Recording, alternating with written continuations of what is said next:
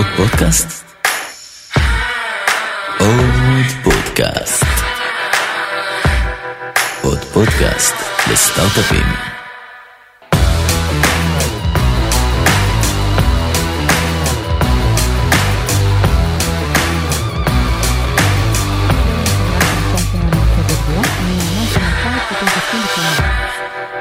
אנחנו הולכים לעסוק באסטרטגיית דאטה. בניגוד למה שרובכם כנראה חושבים, זו ממש לא נחלתן של חברות הגיימינג או e-commerce או כל חברת B2C אחרת. כל חברה צוברת כמויות של דאטה מהיום הראשון, וכבר אז מתחילה ההבנה שיש מה לעשות עם המידע הזה, אבל...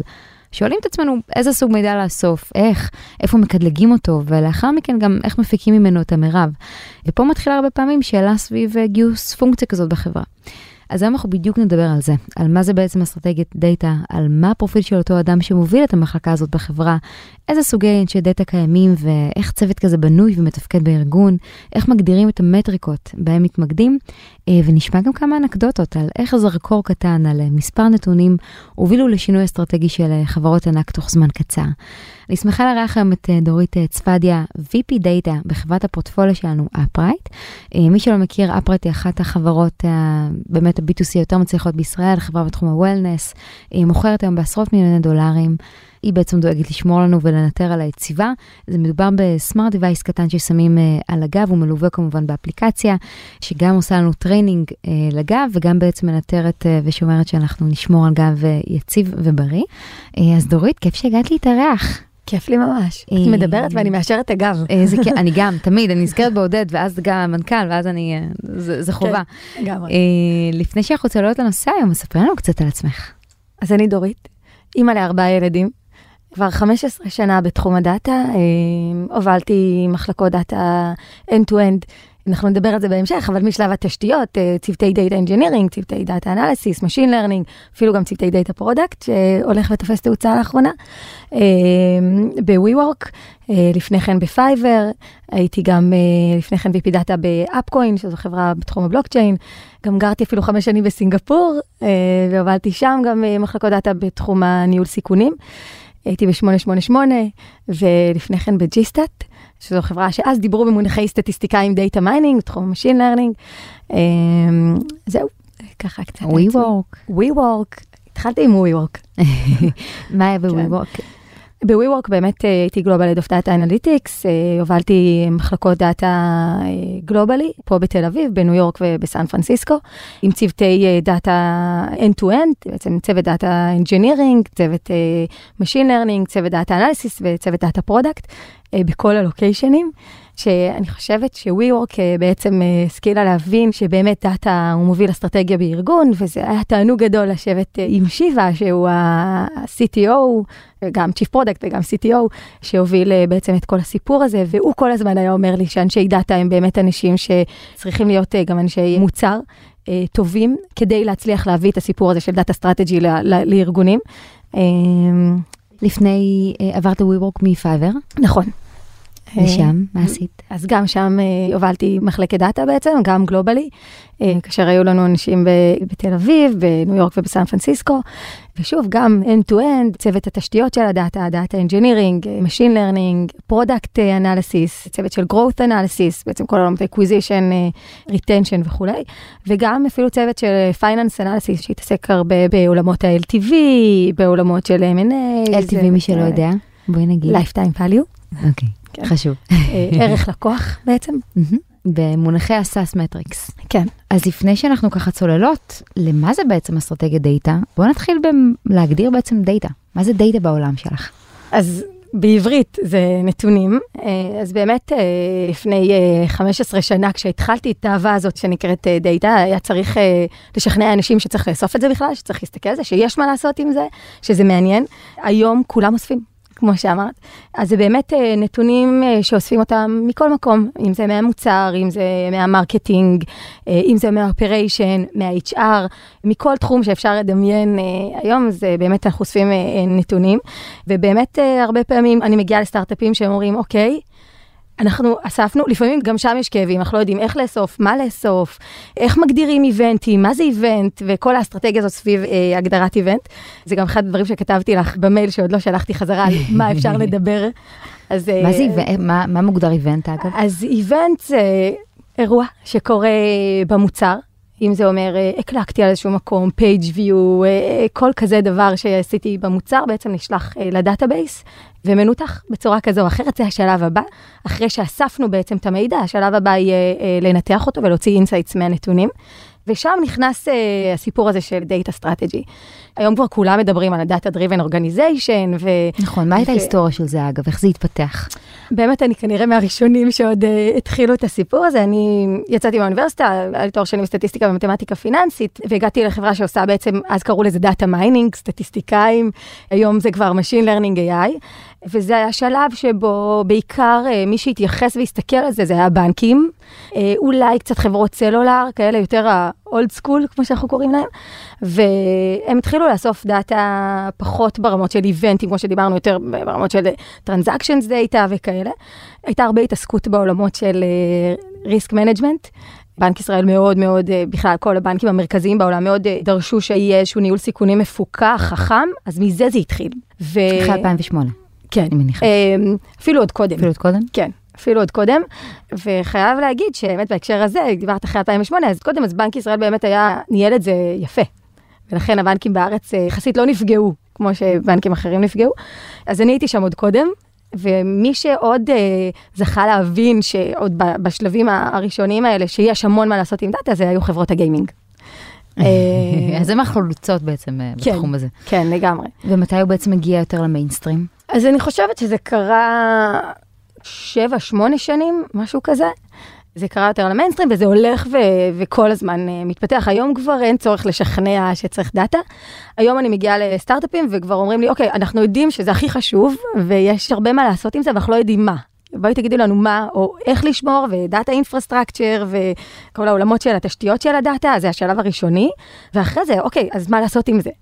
אז זה מחולק באמת לכמה חלקים, שבסיפור הזה אני חושבת שיש גם את העולמות של data product שהולכים ותופסים תאוצה היום, שכבר יש מוצרים ממש שהם מוצרי דאטה, שיש חברות שאגב, זה המוצר שלהם, חברות סטארט-אפ ש-AI, Machine Learning, שזה המוצר שלהם, לא רק אגב, אבל גם uh, חברות כאלה.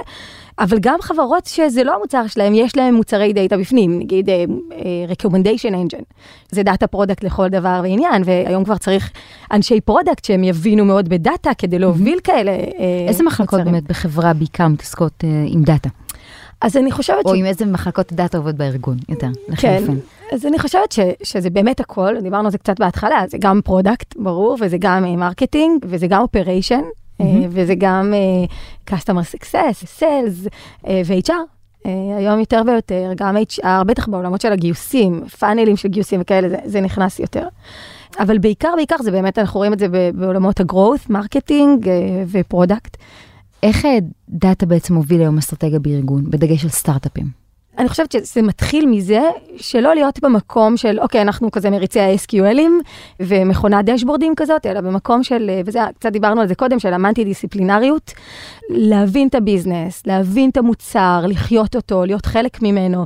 זה גם מתחבר לאיפה זה צריך לשבת בארגונים, ונגיע לזה, אבל זה לגמרי ה mindset הזה, של לחשוב אחרת אה, על הדאטה, ומתוך זה שאתה חי את הדאטה, אתה מכיר אותו טוב, אתה מנתח אותו, אתה כל הזמן שואל שאלות, חי את ה product במקביל, אם אנחנו מדברים על מחלקות product, נמצא איתם ביום-יום, ובא עם insights uh, uh, משמעותיים לארגון. זה לגמרי uh, המקום הכי חזק של ה data strategy, ושם כאילו האנשי דאטה בעצם מובילים, את ה, מביאים את הארגון ל data driven organization, ומובילים את ה... יושבים בטח בכל הישיבות ונותנים בעצם input, והיחידים שצריכים להסתכל עליו באמת בצורה שהיא כמה שפחות um, רגשית אולי נגיד את זה. נכון. נראה לי. כן. אה, כי הדאטה לא משקר, נכון. זה אמרנו ככה בשיחה שלנו. נכון. בואי נדבר ממש באמת בקטנה על ההבדלים בין אסטרטגיה, בין חברות ל-B2B ל-B2C. כי המיקוד בהם הוא כן שונה. נכון. ורוב אז... החברות שמאזינות לנו בטח הם B2B. כן. אני חושבת שהסיפור של data product שדיברנו עליו קודם מאוד uh, מעניין B2B.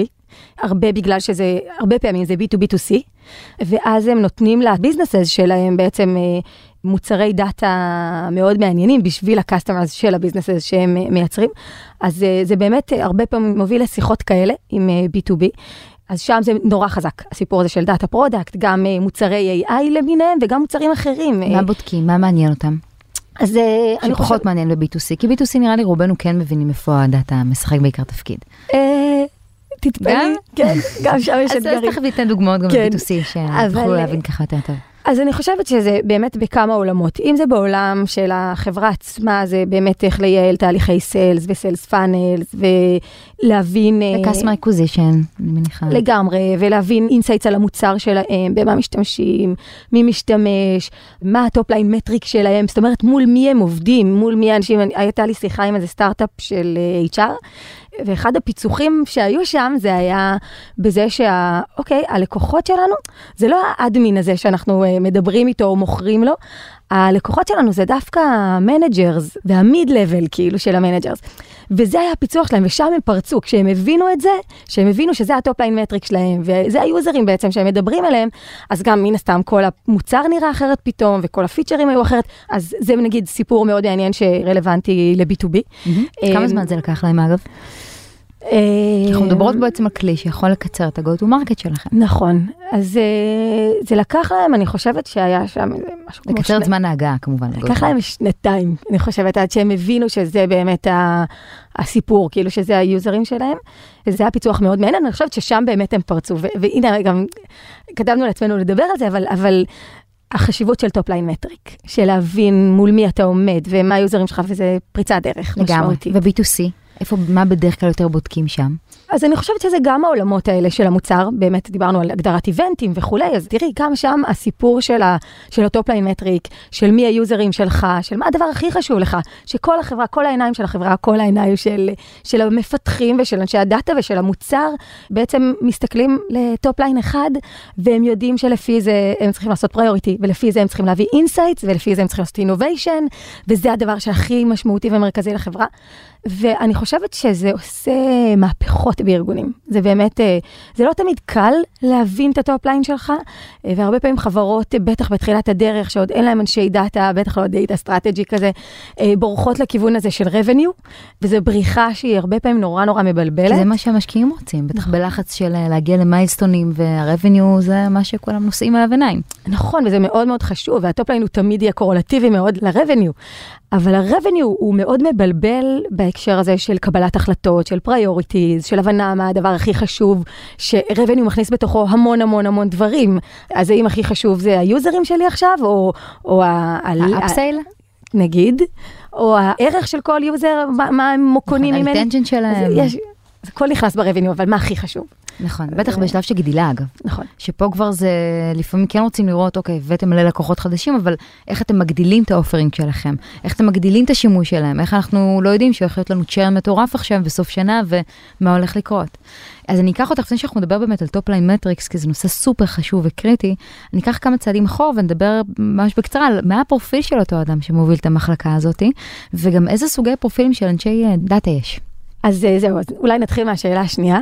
אז אה, באמת יש, אה, קצת דיברנו על תשתיות, אז יש את אנשי תשתיות של דאטה, זה בעצם data engineers, קוראים להם לפעמים BI Developers, זה בעצם אנשים שהם מאוד טכנולוגיים, גם כותבי קוד. הם הגיעו ממדעי המחשב?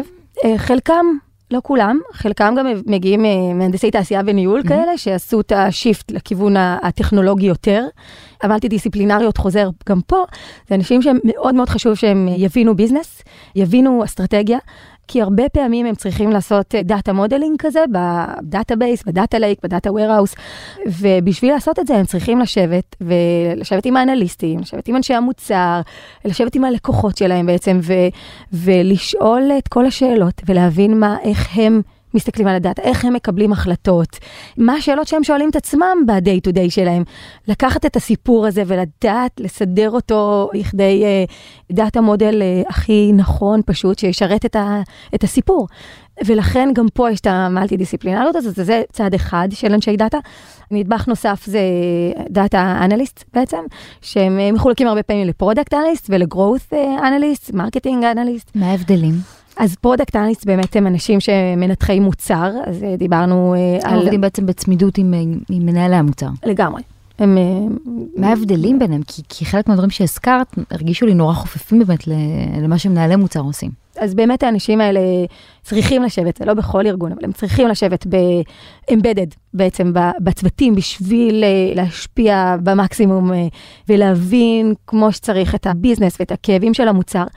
הם אה, עובדים ברמה יומיומית, כאילו ביחד, הם חלק מהסטנדאפים שנמצאים, בה, שקורים בקבוצות, כמובן ב weeklies, הם אה, אה, חלק נכבד מאוד בהחלטה של רואדמפים שנתיים, רבעוניים וכולי, ב priorities, וכמובן בניתוחים של, של מה הדבר הבא שאנחנו הולכים לעשות עכשיו במוצר, ולמה, ותוך כדי שאחרי שפותח feature ו feature עולה, אז הניתוח התוך כדי שלו, וכמובן ה post analysis של A-B testing כזה או אחר.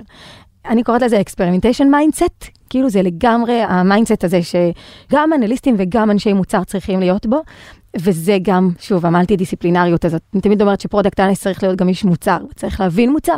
יש איזה אבולוציה ביניהם? אתה קודם. כל, אוקיי. כן. אז יש אנשים שמגיעים מכאן וכאן. אז שוב, הבדלים, מה ההבדלים בעצם בין growth ל product? אז uh, growth בעצם מנתחים את כל עולמות ה marketing, acquisition המון, retention וכולי. אז הם עובדים יותר עם הצוות של ה marketing או לאו? כן. אוקיי. כן, definitely.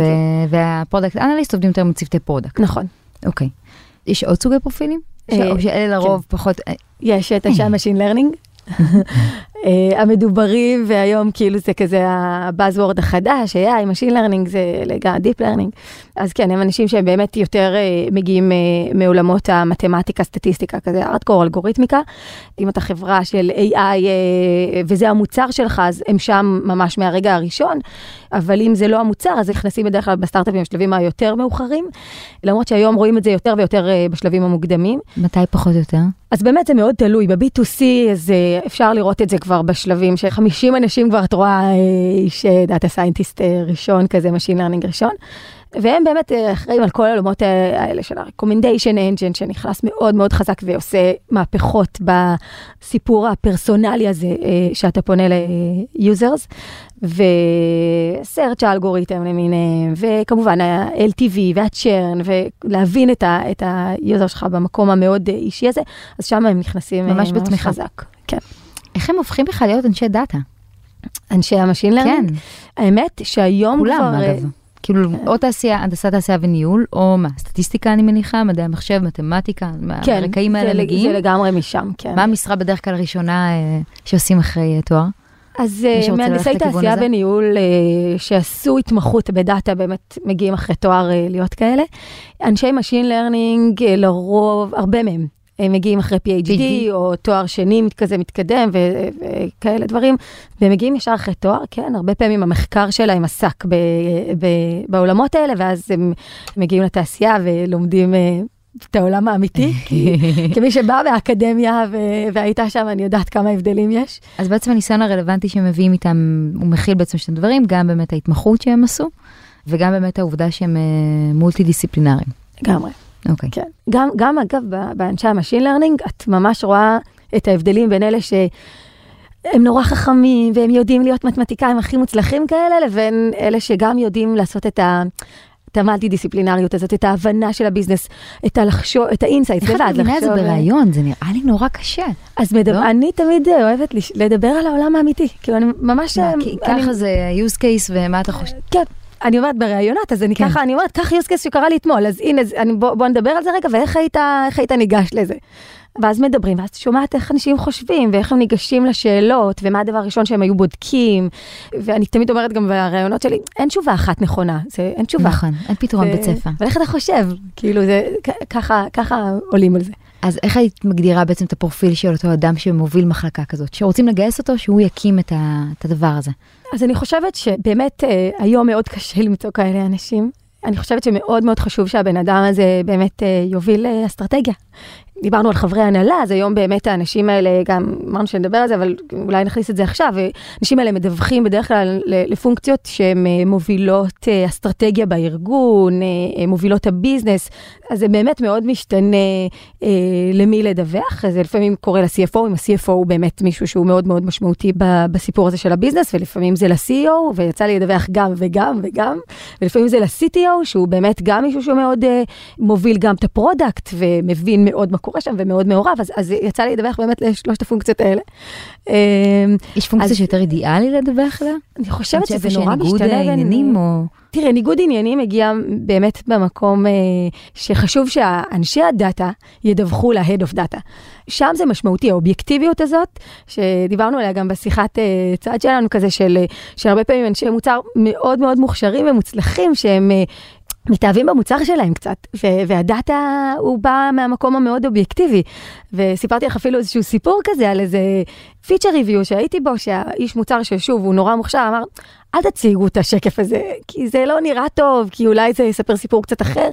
וישבנו ב feature review, ו- וכמובן שהצגנו, ו- ואמרנו לו, תקשיב, זה, זה נורא חשוב בשיקולים, ובאמת ההחלטה הושפעה מאוד מאוד מהסיפור הזה של ה data.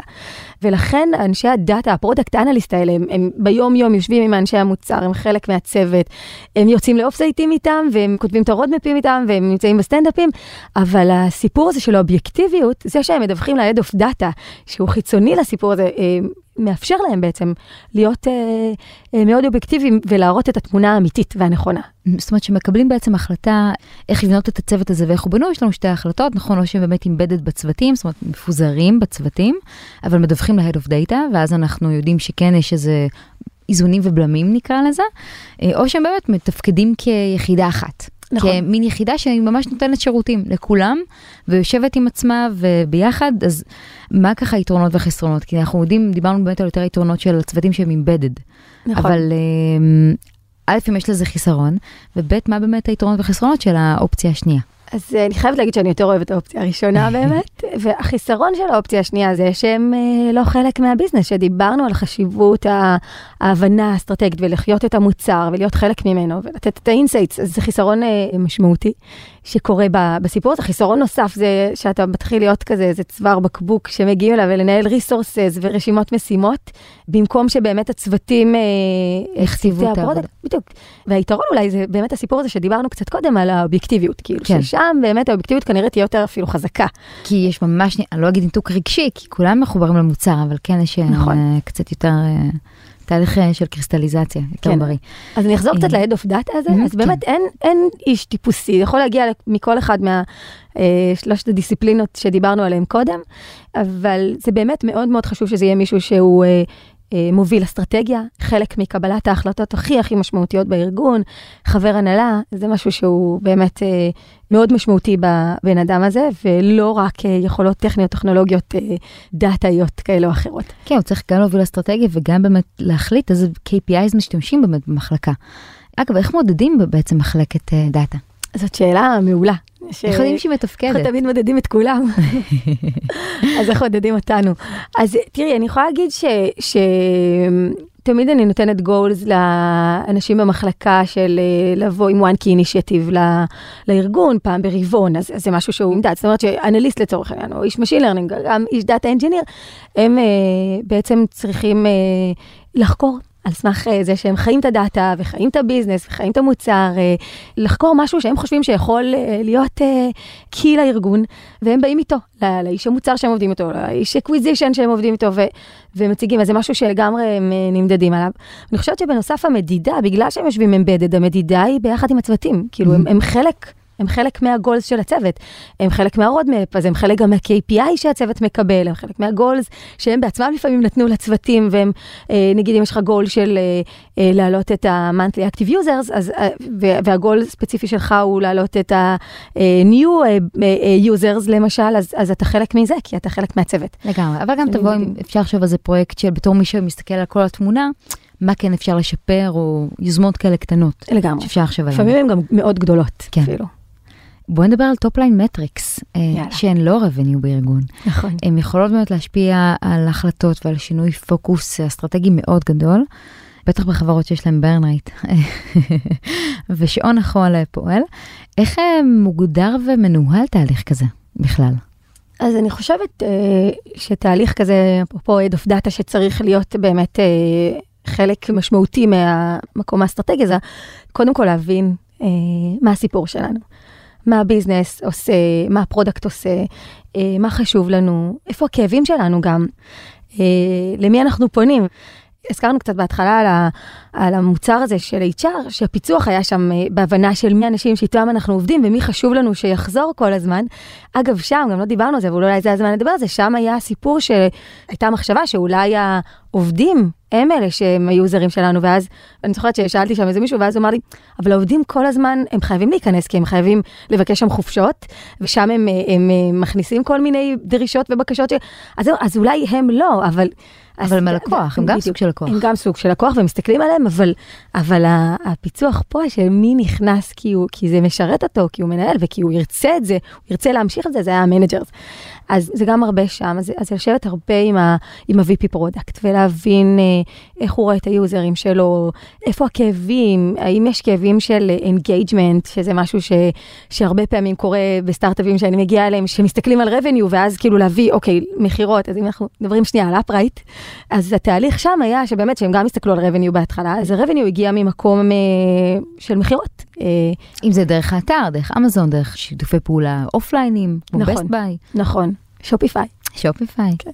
אז, אה, אז, אז לגמרי, אז באמת, אה, ומוכרים המון, כמו שציינת בהתחלה, ואז התהליך הזה קורה עם הרבה אנליזות, ולהבין מה קורה, ומה קורה ליוזרים שלנו, וכמה הם חוזרים, ואיך הם חוזרים, ו- ואם הם לא חוזרים, אז למה הם לא חוזרים. אז ראינו שבאמת יש כאב של, אה, של engagement.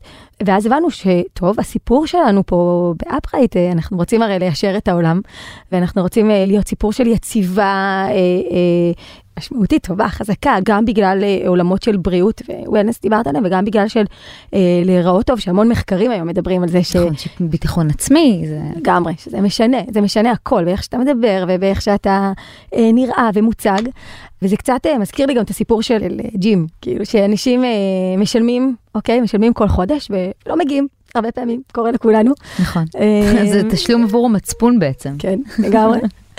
ואז אה, מה ה topline metric שלהם שם? אם הם יסתכלו רק על אנשים משלמים, הם יפסידו בענק, אה, נכון. אבל הם צריכים להסתכל על אנשים שמגיעים וכמה הם מגיעים. אז Upright מאוד דומה לזה, כי באמת זה אימונים, כאילו אתה לא צריך להיות 24/7 עם Upright. אתה צריך אולי בשביל tracking, לפעמים כשאתה רוצה לראות מה מצבך, אבל בשביל לעשות training אז אתה צריך, ממש ממש כמו חדר כושר, אתה צריך לעשות את זה פעם ב-X זמן, תלוי, ופה גם נכנס אגב, אפרופו data product ו recommendation engine של Upright, אז, אז כאילו ללמוד מי אתה ומה ההרגלים שלך ולתת לך training בהתאם, אז שזה משהו שאנחנו עושים אותו. המצב משתפר, המצב לא, הרי אתם בעצם יודעים הכל. לגמרי. הכל, הכל, הכל מדווח. לגמרי, הכל מדווח כן. ומוקלט, GDPR, הכל בסדר. כן. אז שם באמת הבנו שהסיפור של Upright צריך להיות monthly active users, וכאשר ההגדרה של active גם שם, אחרי הרבה אנליזות של מה זה active בעצם. ואני חושבת שזה שינה לנו את ה mindset, גם זה הביא אותנו למקום של, אוקיי, אנחנו הולכים למקום של subscription ב Upright. נכון, הרי יכלתם לעשות כל מיני מניפולציות על דאטה ולראות איך אתם עושים, אה, מגדילים את ה-customer acquisition שלכם, מביאים כמה שיותר לקוחות ל funnel ואמרתם, רגע, נעצור. היו לנו מכירות נורא נורא יפות, בואו נסתכל על ה users, נבחר דווקא באמת את ה-monthly active users כדי להגדיל את ה-retention, כדי ללמוד את זה יותר טוב. לגמרי. כדי לשפר את המוצר? כן. כי זה long uh, term game. כן, וגם בדיוק כמו שאמרת, לתת ערך uh, מתחדש כל הזמן, וזה הסיפור של ה subscription בעצם שאנחנו עובדים עליו מאוד מאוד קשה היום, לתת ערך כל הזמן uh, ל users ולחזור בעצם uh, להיות uh, כל הזמן uh, עם Upright. קחי אותי ל flow המחשבתי, של איך דווקא להגיע ל top line metric הזאת, ספציפית. אז באמת היה המון לשבת uh, עם עודד, המנכ"ל.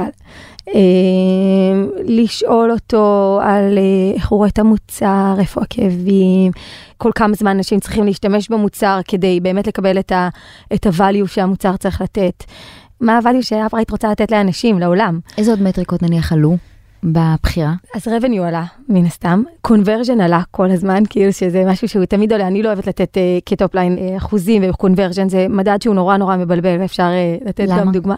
תן דוגמה. תן דוגמה, הכי טוב דוגמה. אז גם באיזה חברה שהייתי בה, אז נתנו איזה... KPI, זה היה משהו ב, בתוך המוצר, משהו של messages, שבעצם תוך כמה זמן יוזרים עונים למסג'ז האלה. ואז הם אמרו, אוקיי, אז נפתח בוט שבעצם יענה מהר, ו- ואז הם ניצחו את ה-KPI. אז כן, קונברז'ן זה, זה מבלבל, יש המון המון דברים שיכולים להשפיע. גם אם מדברים על קונברז'ן uh, של יוזרים חדשים, אז, אז אתה עובד פתאום על ה-top of the funnel, אתה מביא המון המון יוזרים שלא תמיד כולם רלוונטיים, או high quality user, אז הקונברז'ן שלך יורד, אבל זה לא אומר שזה לא טוב תמיד. אז זה סיפור uh, מבלבל. אז, אה, אז כן, אז אני חוזרת ל Upright, אז באמת revenue עלה ו-conversion, ותהינו לעצמנו האם weekly זה נכון, ומה זה active user ב Upright. מה זה active? איך מגדירים active? זה משתנה ממש ממקום למקום. ספציפית ב Upright זה עוד משהו שאנחנו אה, אה, תוהים לגביו, אני חושבת שהוא ישתנה מאוד כשה subscription ייכנס אה, לסיפור. אבל באמת שם נגיד בדקנו האם tracking הוא, הוא חלק מה activity שאנחנו צריכים לקחת ב active או לא. אז, אז שוב, זה הרבה ניתוחים. כמה חוזרים רק ל tracking, כמה חוזרים ל training ולכמה זמן training, האם דקה זה, זה נחשב training? כנראה שלא. אז המון המון ניתוחים סביב הסיפור הזה, אז זה קצת לתאר את התהליך. הרבה להסתכל על cohortים באמת, גם uh, על ה intent של ה users. Uh, זה היה שיח uh, מאוד uh, ארוך עם, uh, גם עם ה-VP product של Upright וגם עם עודד, על, על למה ה users עושים את זה. Uh, שאנחנו בטח כולם חושבים כזה שעושים את זה בגלל איזה כאבי גב, או שאנחנו סובלים מגב. דווקא רוב ה users של Upright מגיעים מרצון להיות... יציבים יותר. definitely, לגמרי זה הסיפור. כן. מדהים. אני חושבת שעל חברות דיברנו באמת על, על top line metrics, ואני כאילו אומרת, תראי, בסוף הרי מה האבולוציה של חברה? מקימים חברה, ובשנה, אפילו לפעמים שנתיים ראשונות, יש לחץ מאוד גדול באמת להביא revenue ולקוחות ולהראות שיש מי שישלם את הכסף על המוצר הזה וישתמש בו. מתי נכנס הסיפור של top line metrics? אני מניחה שגם ב Upright הצטרפתם בשלב growth, בגיוס נכון. האחרון. מתי עושים את ה switch הזה, ובאמת מתחיל השיח, אה, זאת אומרת, מה השאלות שאני כ founder צריכה לשאול את עצמי, אם עכשיו הגיע הזמן להגדיר top line metrics החדשות. אז אני חושבת שזה באמת אה, עדכניות. אחרי ה product market fit. זה השלב, כשחברות נמצאות בשלב ה product market fit, ה top line הוא בטוח אחר, הוא פחות אה, ב mindset של growth. זה לא ששם לא חשוב שיהיה KPI, זה חשוב, אבל זה לא מה שדיברנו קודם. בוא נדבר קצת על תזמון. מתי הכי מוקדם להביא מישהו לצוות שיתעסק בדאטה, ו- וגם מה את חושבת על אופציה של in-house לעומת outsourcing, כי הרי את חיית בשניהם. אז אני חושבת שזה באמת משתנה. אה, מה השאלות שכמייסד או מייסד צריכים לשאול את עצמנו? אם אתה חברת דאטה, בעצם המוצר שלך הוא data product, אז אתה תביא ב-day one כבר אנשי Machine Learning Data Scientist, אבל אם אתה חברה שהמוצר שלה הוא לא דאטה, אז, אז כן, זה קורה בשלבים uh, הקצת יותר מאוחרים, כן לפני שלב ה-growth, כאילו, כן, כן כבר בשלב ה product market fit. אני כן רוצה לדבר על זה שכבר בשלב הראשוני זה priceless אה, לאסוף את הדאטה. ושם אולי שווה להתייעץ או, או להביא אה, באיזשהו capacity מסוים data engineer כזה, ש, אה, או data architect כזה, שיגיד לך איך להגדיר eventים, איך לשלוח אותם, מה לאסוף, אה, איזה דאטה, איפה לאסוף את זה, אה, באיזה מערכות ומה יש ומה הכי מתאים לחברה. אז זה כן משהו שהייתי עושה בשלבים מאוד מאוד מאוד ראשוניים. מה העלות של דבר כזה, אם אפשר לדבר על זה בכלל, או הטווח, ה range? מתמחרים את זה בהתאם לגודל שלך, לגודל של המידע שאתה שולח, והוא משתנה בהתאם לנפח של הדאטה שנשלח. אז לכן זה כאילו עלות שהיא כאילו יכולה להיות מכלום. אנחנו מדברות על ה cloud. כן. על ה-Cloud כן, כן, כן, Providers. אז זה יכול להיות, אז זה יכול להיות מכלום עד, אה, עד המון. מה זה המון? אה, זה יכול, אה, בדיוק אתמול דיברתי עם איזה חברה שהם כבר בשלב ה-10,000 דולר, וזו חברה סטארט-אפ עם 70 אנשים. לחודש, שנה? כן, לחודש. ופרויקטלית באמת להביא בן אדם in-house, לא in-house, להביא בן אדם, אני מניחה שהרבה יותר קל בשלב ראשון לקחת outsourcing לדבר כזה. כן, כי את יודעת, לפעמים אה, אני, אני פוגשת סטארט-אפים שיש להם צורך קצת אה, Machine Learning כזה, קצת אה, אינג'ינירי, אפילו גם דאטה אנליסט, והם לא יכולים להביא את שלושתם. ואז הם אומרים, טוב, אז נביא בן אדם אחד, זה כאילו, זה מאבד, כן, זה מאבד מה... כן, גם שמה כל כך הרבה אחריות על בן אדם אחד בשלב כל כך מוקדם. נכון, קצת נכון, ו- ו- וזה באמת דיסציפלינות שונות. אז כן, יש כאן נכנס המקום של אולי לקחת outsource. Uh, uh, אני חושבת ש, שחברה כבר בשלבי growth צריכה את זה in-house, דיברנו על החשיבות של uh, אסטרטגיה, של לחיות את ה business, זה חייב להיות uh, משהו שאתה חי אותו, ולכן בטח data analyst uh, צריך להיות משהו ש, שהוא in-house, ופה גם נכנס הסיפור של המוצר שאני עובדת עליו באמת, ש, שזה ה... ה mindset הזה של ה testing וה experiment, שאני מאוד מאמינה בזה שבאמת אפשר לעזור לסטארט-אפים אה, גם על ידי מוצר. אה, טסטים זה דבר סופר משמעותי כדי לקבל insights ולא ללכת רק לפי תחושות בעצם, ולא להתאהב במוצר של עצמי, אלא לבדוק אותו באמת ולבחון אותו. ומה שקורה זה שהרבה פעמים באמת אה, סטארט-אפים לא יודעים איך אה, להריץ את הטסטים האלה, או אפילו לתכנן אותם, איזה שאלות לשאול, גם to prioritize them, אז זה הרבה פעמים מגיע ממקום של אה, אנליזה. אז הרעיון של המוצר הזה הוא בעצם לבוא ולשבת על הדאטה ולנתח את, ה, את המידע הזה, ולבוא בעצם עם insights לאנשי ה product, להגיד להם, אוקיי, זה הדברים המעניינים, גם בגלל ש, שאנחנו מביאים בנצ'מרקים מהשוק, וגם על סמך המידע שלך. ובמוצר הזה גם אנחנו מריצים אה, את הטסטים ומנתחים אותם ובאים עם insight שוב, וזה שוב loop כזה ש, שמזין את, את אנשי המוצר כל הזמן, שזה משהו שאנחנו באמת רואים שהוא מאוד חסר ב, לסטארט-אפים בשלבי ה-SMBs, כאילו זה... כן. או מאוד early stage אני מניחה, זאת אומרת, את כן יכולה להביא product analyst, או באמת איש נתונים ש... יישב עם המוצר הזה וידע לפלח את המידע, לנתח אותו, לעשות לו אגרגציה. זאת אומרת, זה גם חוסך בכוח אדם במקום מסוים. Definitely, זה אמור לחסוך okay. אה, אוקיי. המון. כן. אפשר לקחת אותו לכל, נכון? ל marketing, ל product, ל-HR, ל... כן, לגמרי, כרגע הפוקוס הוא לגמרי מוצר, כי אנחנו מרגישים שהכאב שם הוא הכי, הכי גדול. כן. אוקיי. כן. בוא נדבר ככה, לפני שאנחנו מסיימות, על אה, כמה אנקדוטות אולי, על אה, נתונים שאת והצוות שלך ראיתם וניתחתם והובילו לשינוי באמת אסטרטגי משמעותי שחברה עשתה. גם ככה באזורים של growth, אולי מ product גם. אז אה, יאללה, אז בוא נתחיל מ-growth, באמת אה, גם פה חשיבות ה-KPIs היא משמעותית, הייתי באיזה חברה ש, שבאמת ה-KPI של להביא, שזה קורה כמעט בכל חברה אגב, אה, להביא כאילו, ל-acquisition, להביא number of users מסוים, וזה היה ה-goals, ואז... MQL. כן. ואז אה, נכנסתי למידע כזה לראות, אה, לנתח ולראות, ש... וראינו שבעצם היוזרים שה acquisition מביא, הוא, הוא לא מתכתב עם, ה... עם האסטרטגיה של החברה, הוא בעצם מביא יוזרים שהם אה, quality נקרא להם, או low value, ואני זוכרת שישבתי עם המנכ"ל, והמנכ"ל אמר לי, מה, אנחנו צריכים ללכת לשבת את הדברים מה acquisition, לשנות להם, אמרתי לו, אנחנו צריכים לשנות להם את הגול. אה, זה מה שאנחנו צריכים לשנות, ו- וזה באמת היה ממקום, אפרופו data strategy, זה ממקום של להבין את האסטרטגיה, אה, להבין לעומק את האסטרטגיה של החברה, ולאן החברה הולכת, ואיזה סוגי יוזרים הם מחפשים, מי הם האנשים, מה ה typecast שאנחנו מחפשים. ו... ואז בעצם עשינו fine-tuning על ה goals ל acquisition, אחרי שהבנו לעומק אה, מה אנחנו מחפשים. ולא אמרנו להם כלום, חוץ מזה ששינינו את ה goals. לא אמרנו להם שהם לא בסדר, שהם הביאו לפני כן. low quality. גם אולי למי שככה פחות מבין על מה אנחנו מדברות, מה שקורה הרבה פעמים בחברות זה... יש את ה marketing, יש את ה sales.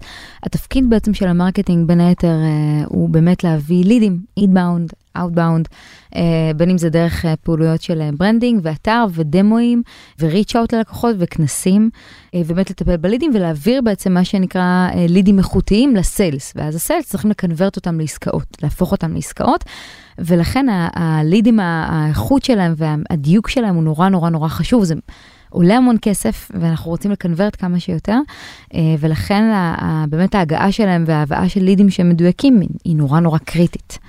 אז פשוט הגול שלהם היו לא, לא, לא, לא ברורות. מספיק, כן, אז, אז מה שתיארת זה ממש ממש טיפוסי ל-B2B, באמת. Uh, ב-B2C אז, אז הסיפור הזה של online acquisition הוא, הוא מאוד מאוד חזק. uh, אז uh, באמת בשניהם אנחנו רואים את החשיבות הזאת. אני יכולה להגיד גם ב-WeWork שהייתי והסיפור של ה-B2B שתיארת היה בדיוק ככה וזה היה הכאב, ואיך מביאים לידים שהם באמת יותר רלוונטיים. אז אני אחזור רגע לסיפור הראשוני שהוא היה דווקא מעולמות ה-B2C, ששם באמת כששינינו את הגולס ותמכנו מהמקום הזה של הדאטה, מן הסתם, גם בניתוחים וגם בלהגדיר להם מה זה אומר uh, high value uh, uh, users ומה אנחנו מצפים מהם, ופתאום ראית שהקמפיינים נגיד שהיו בפייסבוק ובגוגל היו, uh, דיברו לאוכלוסייה אחרת פתאום, הקריאייטיב השתנה, השיח השתנה, ובלי להגיד כלום, בלי להגיד שמה שהיה קודם היה לא בסדר, וזה היה שינוי מטורף, זה, אני יכולה להגיד ש, שזה חתך בבאג'ט כמעט ב-40 אחוז, אה, זה היה ממש, אה, זה היה מהפכה.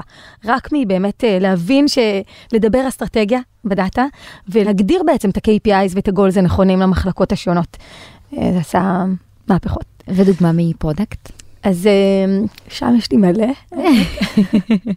תשפכי, תשפכי. אז פעם עברה דרכי איזה אנליזה של תקשורת, אה, זה היה ב marketplace, אז אה, תקשורת אה, בין הביירים לסלרים. ו... ואני זוכרת שראיתי באנליזה הזאת, באמת אנליסט אצלי במחלקה הציג התפלגות של conversion, כשהמענה מצד הסלרים הוא מהיר יותר. וזה היה כזה התפלגות נחמדה ואנליזה מעניינת, ואפילו היה שם insights, ואז אמרתי, רגע, רגע, יש כאן מוצר מטורף שאפשר לעשות מזה, כאילו אנחנו צריכים לקחת את זה קדימה. ואיך אנחנו עושים, ויצא מזה באמת פיצ'ר אה, מוצרי של, אה, וכמובן, גם, גם הרבה מעבר לזה, אבל יצא מזה פיצ'ר מוצרי של באמת אה, לתת education לסלרים ומענה לביירים שרוצים אה, מענה מיידי. בעצם אה, זה, זה רלוונטי ב, ב, כמובן במקומות מסוימים, בקטגוריות מסוימות וכולי, אבל, אבל אה, אה, ו, וזה לווה בזה שמן הסתם עשינו education ל-sellers, של מה זה אומר להיות, לתת מענה מהיר וכולי, בדיוק, להיות responsive, ולקחת את זה בחשבון גם ב-recommendation engine, ב-listing, וזה היה משהו שהגיע מצוות הדאטה, ואני יכולה להגיד ש... במקום שצוות דאטה עובד נכון, ואני רואה את זה לא מעט, ובאמת שהוא ב-mindset של data uh, strategy, אז אני יכולה להגיד שאני רואה לפעמים שמעל ל-80% מה-product features מגיעים מצוות הדאטה. כי הם חיים אותו, הם חוקרים אותו, הם מבינים מאוד מאוד מוצר, והם יודעים איפה הכאבים, הם יודעים שנגיד יש כאב פה, והנה הם מצאו פריצת דרך ש, שהקונברז'ן יעלה אם יהיה מענה מהיר יותר, אז לך לדבר עם האיש מוצר ואני אגיד לו, בוא ננסה לעשות משהו בעולמות האלה, להעלות איזשהו טסט, לקבל uh, חיווי ולהמשיך uh, הלאה. אז uh, באמת עושה את, ה, עושה את הסיפור, וזה Data Driven Organization. מדהים. איזה כיף. טוב, דורית, נגמר לנו הזמן, זה עבר, מה זה מהר? ממש לא הרגשתי. גם אני לא. אה, אבל אני אגיד לך בינתיים תודה ענקית שהיית איתנו בחלק מהניסיון והידע שלך, יש לי תחושה שאת הולכת להיות מופצצת בפניות בקרוב ושאלות. אה, נגיד תודה לתום וגיא ולגוגל פור סטארט-אפס על האירוח, אה, ותודה לכם המאזינים. אנחנו נתראה בפרק הבא של עוד פודקאסט על כאבי גדילה.